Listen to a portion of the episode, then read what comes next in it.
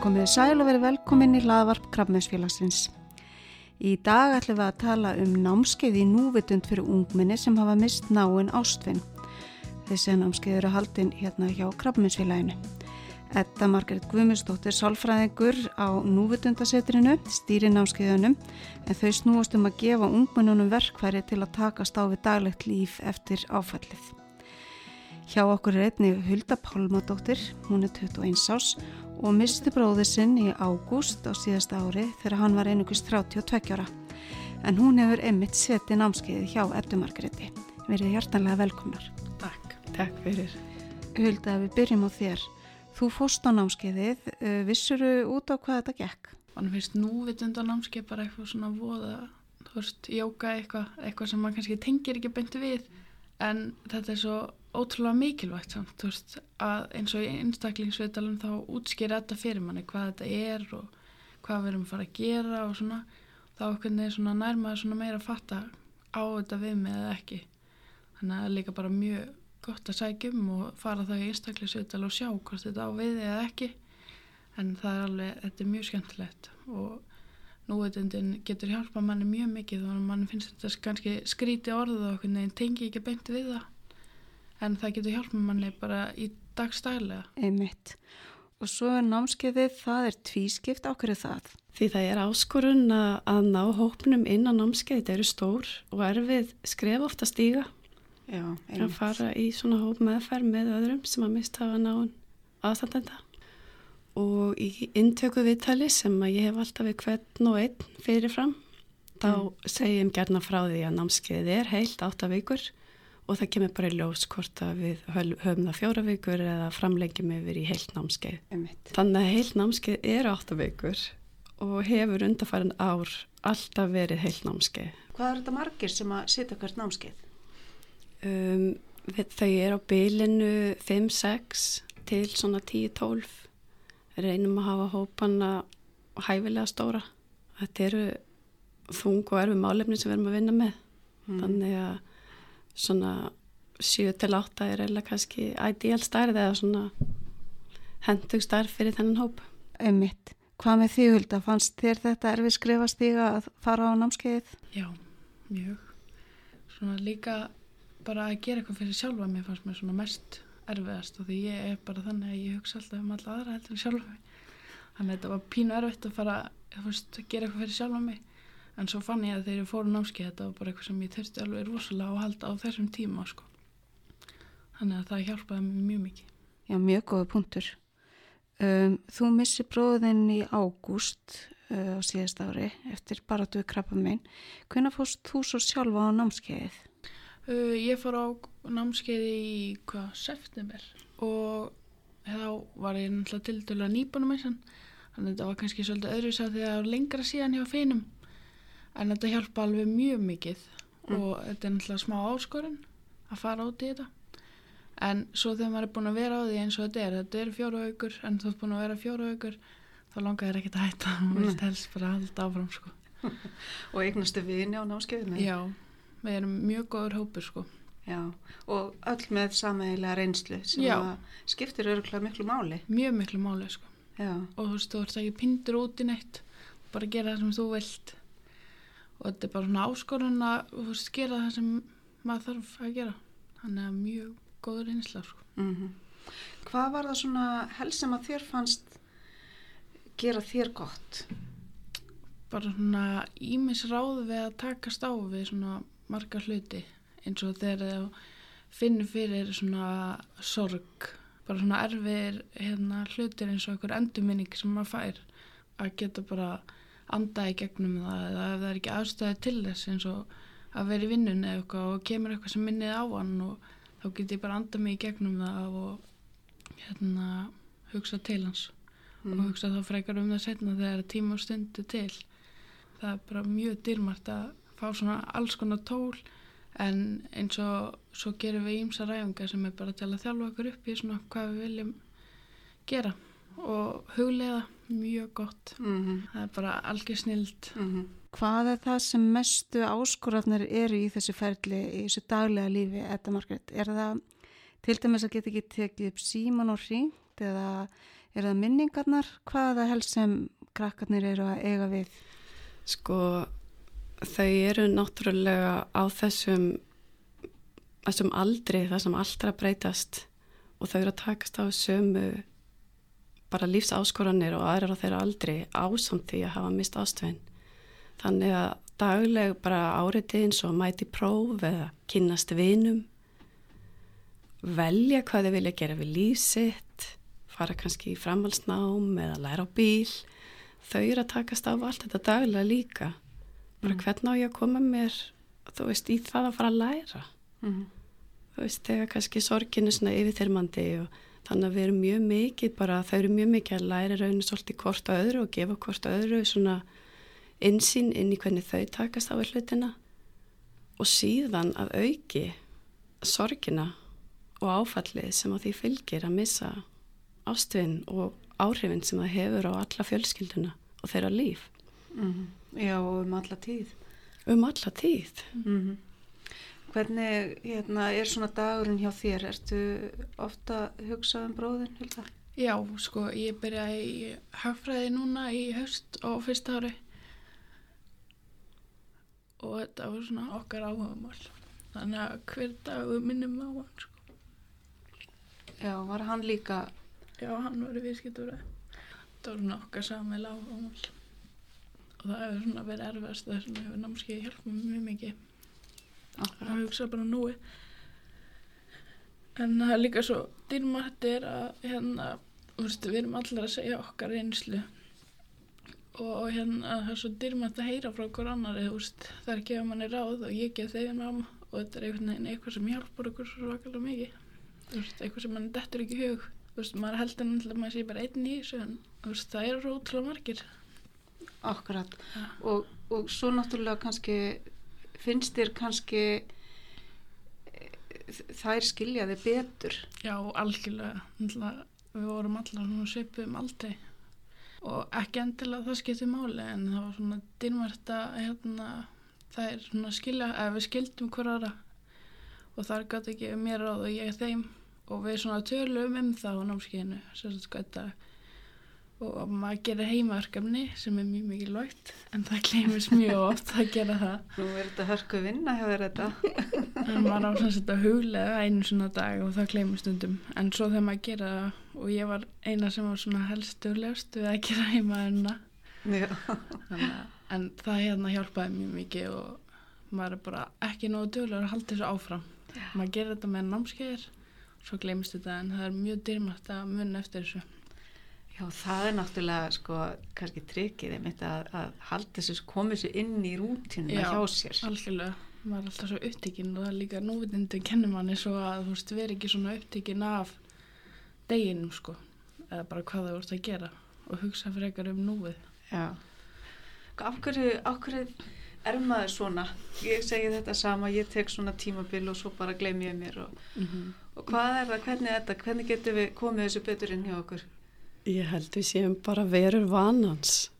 Við Já. gerum það sem við erum vön að gera og það er erfitt að læra nýja færni og tilenga sér nýja hluti og við notum þessa myndlíkingu að það er erfitt að kenna gömlum hundi að sitja og maður er í rauninni svolítið að reyna að gera það.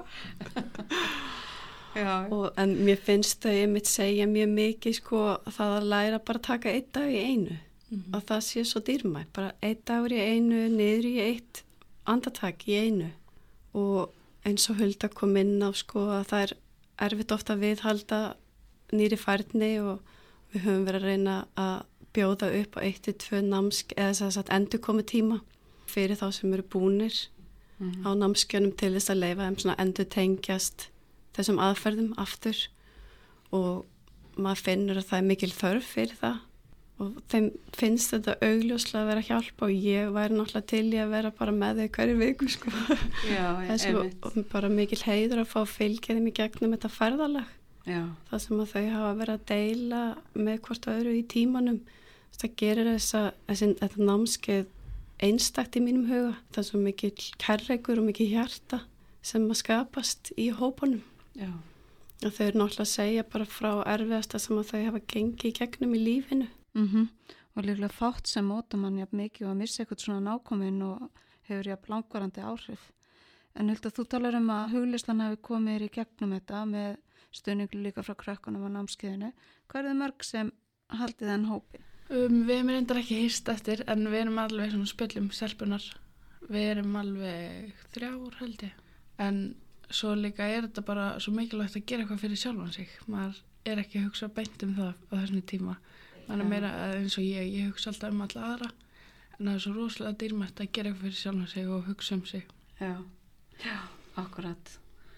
Og svo náttúrulega kannski hlutir sem að þú getur rætt við þessar vinkonur þínar sem að þú vilt kannski ekki íþingja fórildriðinu með sem eru líka að gangi Já, gegnum sorgina. Akkurat, svona líka bara að tala um eitthvað sem svipum aldrei að þú og hefur svipa lífsreynslu þú veist, er að gangi ekki um að sama og getur gefið þér áð, skilur Mm. Það er kannski vinimann sem að hafa ekki mist Já, kannski, þeir kannski segja sömu hlutina en þegar eitthvað sem við lendið í sama Mhm. segir þá þá kannski hafa þeir meiri þýðingu eða hvað? já, algjörlega Mér finnst það allavega Já. Og það er einmitt eitthvað sem margir segja er finni í jafningastöningi. Þú ert með stuðnisfulltrúa í stuðningsneti krafmjömsfélagsins og krafts.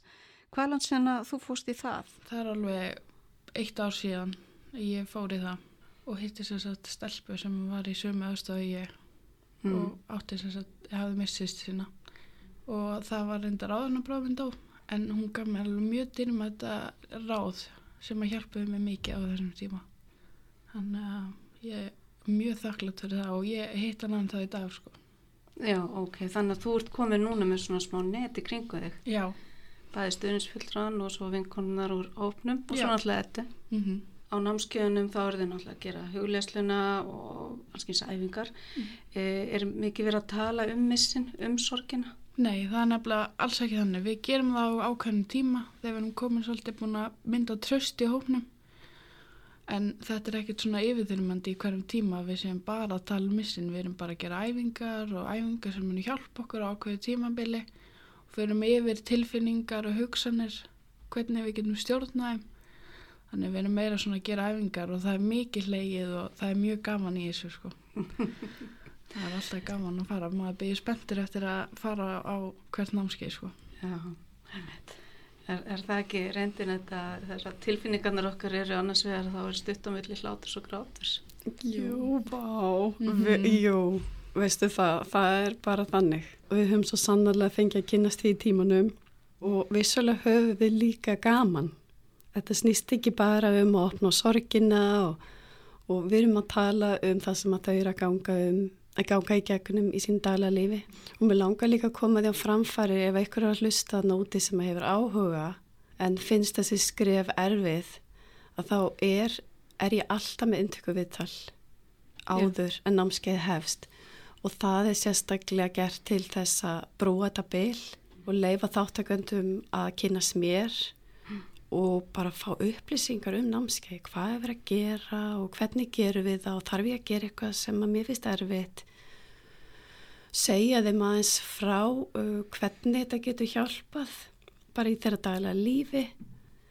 Við erum komið ótrúlega reynsláta námskeið. Við erum búin að halda það frá því árið 2015 þannig að og ég fæ alltaf endurgjöf nafnlausa frá þáttaköndum í lókvers námskeiðs til þess að bregðast við og aðlaga bara eftir þeirra þörfum. Þannig að við tæljum námskeifir orðið bara mjög uh, gaglegt í dag og hendut og við erum búin að taka út hluti sem að skipta minna máli og setja inn í sem að, að skipta þau meira máli. Einmitt, og þannig að þetta er svona sambalanda af skinnfara æfingum hugleislu, fræðslu uh, að því að þau eru mörg að þjást af kvíða og streitu og deburð Mhm. þannig að við erum líka að, að fá fræðslu um það. Akkurat. þannig að þetta er mjög fjölbreytt myndi ég segja. Bara að hitta svona krakka einhvern veginn þegar maður á þessum aldrei er svona að fara í háskóla og svona hitta einhvern annan sem er svona svipið um stó- sporum og maður sjálfur.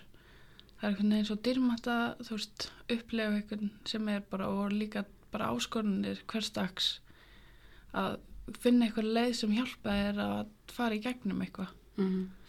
Nú er stundum talað um að hérna svona sorg og álag, áföll, eh, að þau svona taki svolítið frumkvæði frá manni meðan að maður er þar Mm -hmm. uh, hérna og fólk kannski byrju hjálp en, en hérna það er erfitt kannski að byrja um hjálpina Mhm. hefur þú upplifað það? Já. Það er mjög erfitt að byggja um hjálp en það er líka bara svo gott þá að fara svona á námskeið því að þú veist einhvern veginn ekkert endilega að byggja um hjálpina. Þú veist bara að hjálpa þér sjálfri. Já, einmitt, ebla þig. Efla maður sjálf já. já, já. Hvernig hérna, upplifir þú á námskeiðinu, hvernig er nú þetta að standa sig? hún er standa sér mjög vel. Það er svo einstakt, hún er svo hlý. Hvernig henni tekur bara svona utanum hann. Eitthvað sem maður þarf, svona eitthvað utanakomandi þó maður þekkir ekki neitt en þú finnur það strax þegar þú hittar henni að hún er svo hlý og góð og hvernig henni alltaf með ráð við öllu og þú veist, það er mjög gott að koma til hennar eftir tíman ef mann er með eitthvað sem maður þarf að tala um eða spyrjum hún er alltaf tilbúin að hjálpa þér hvað sem er sko Já, þetta er dásanlegt. Um, varandi, hvað fekk þig til að koma bæði í stuðnisnitið og, og námskeiðið? Námskeið. Varst það þú sjálf sem að hafðir frumkvæðið að var eitthvað sem sagði við þig? Mér fannst ég þurfa eitthvað sem að svona, ég þekkt ekki að því ég bjó á Ísafriði sem er mjög lítið svona samfélag. Og mér langaði, þú veist, það var ekki sálfræði þjónustæði búið þar. Þannig að ég taldi þorra að vera mjög góðan vitandi um, þú veist, hvað maður er að tala um. Að því maður finnst svona þegar fólk er með krabba meina það sé einhvern veginn öðru sér heldur en svona lífsreynsla marga. Og ég skýt hér inn að Þorri er sálfræðingu krafmiðsfélagsins og heldur utan um stuðnisnitið. og svo eftir missinni og bráðum minni þá var sagt þetta námskeið búið að auðlýsa og hann benti mér á það Hmm. sem ég er mjög þakklátt fyrir en maður finnur það líka þú veist, þegar maður fer í námskeið að þér lakkar alltaf til og þú er henni hverju sem er fyrir námskeið sko. maður er einhvern veginn tilbúin og þetta er bara eini tíminn dagsins sem ég hef bara fyrir mig Mm. þannig að það er líka mjög mikilvægt og rosalega stór hluti á námskeinu er bara að hjálpa þeim að hlúa vel að sér. Já. kenna þeim að forgamsraða sér aðeins ofar. Því þau eru mörg búin að vera ans upptikinn í að vera duglega eftir áfallið og vera að hjálpa öðrum og hugsa um sín ástfinni og þannig er bara stund fyrir þau það sem að þau mega vera eins og þau eru. Hvernig sem þeim líður. Mm. vera bara. Ég hveti alltaf til að gera heimaðin Já, einmitt. það hjálpa svo- mjög mikið Já. og svo er samt svo skemmtilegt að þeir sem að gera aldrei heimavinnina Mm þau eru samt að teilinga sér svo margt Já, einmitt. sem að þau eru svo þakklátt fyrir í lokin Já. að vera búin að teilinga sér Já. Eins og hvað er það? Og, auka vitundina já.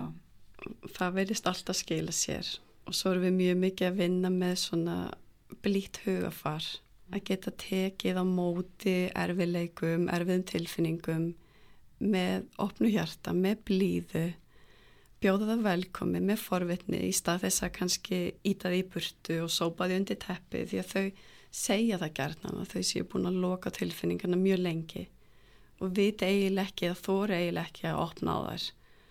Mm þannig að- að geta mætt sér af hlýju og með blíðu og það, þá upplifa þau styrkin, innri styrkin kunna vera í því sem að er að eiga sér stað, hversu erfitt sem það er hann að úthaldið og, og vitundin fyrir því sem er að eiga sér stað bara verið stífka og svo ótrúlan hátt og, og þau eru alltaf að kenna mér svo mikið Já, það er náttúrulega frábært. Og hvað kenna þau þér? bara ótrúlega hlýju og umhyggju og hugur ekki Já.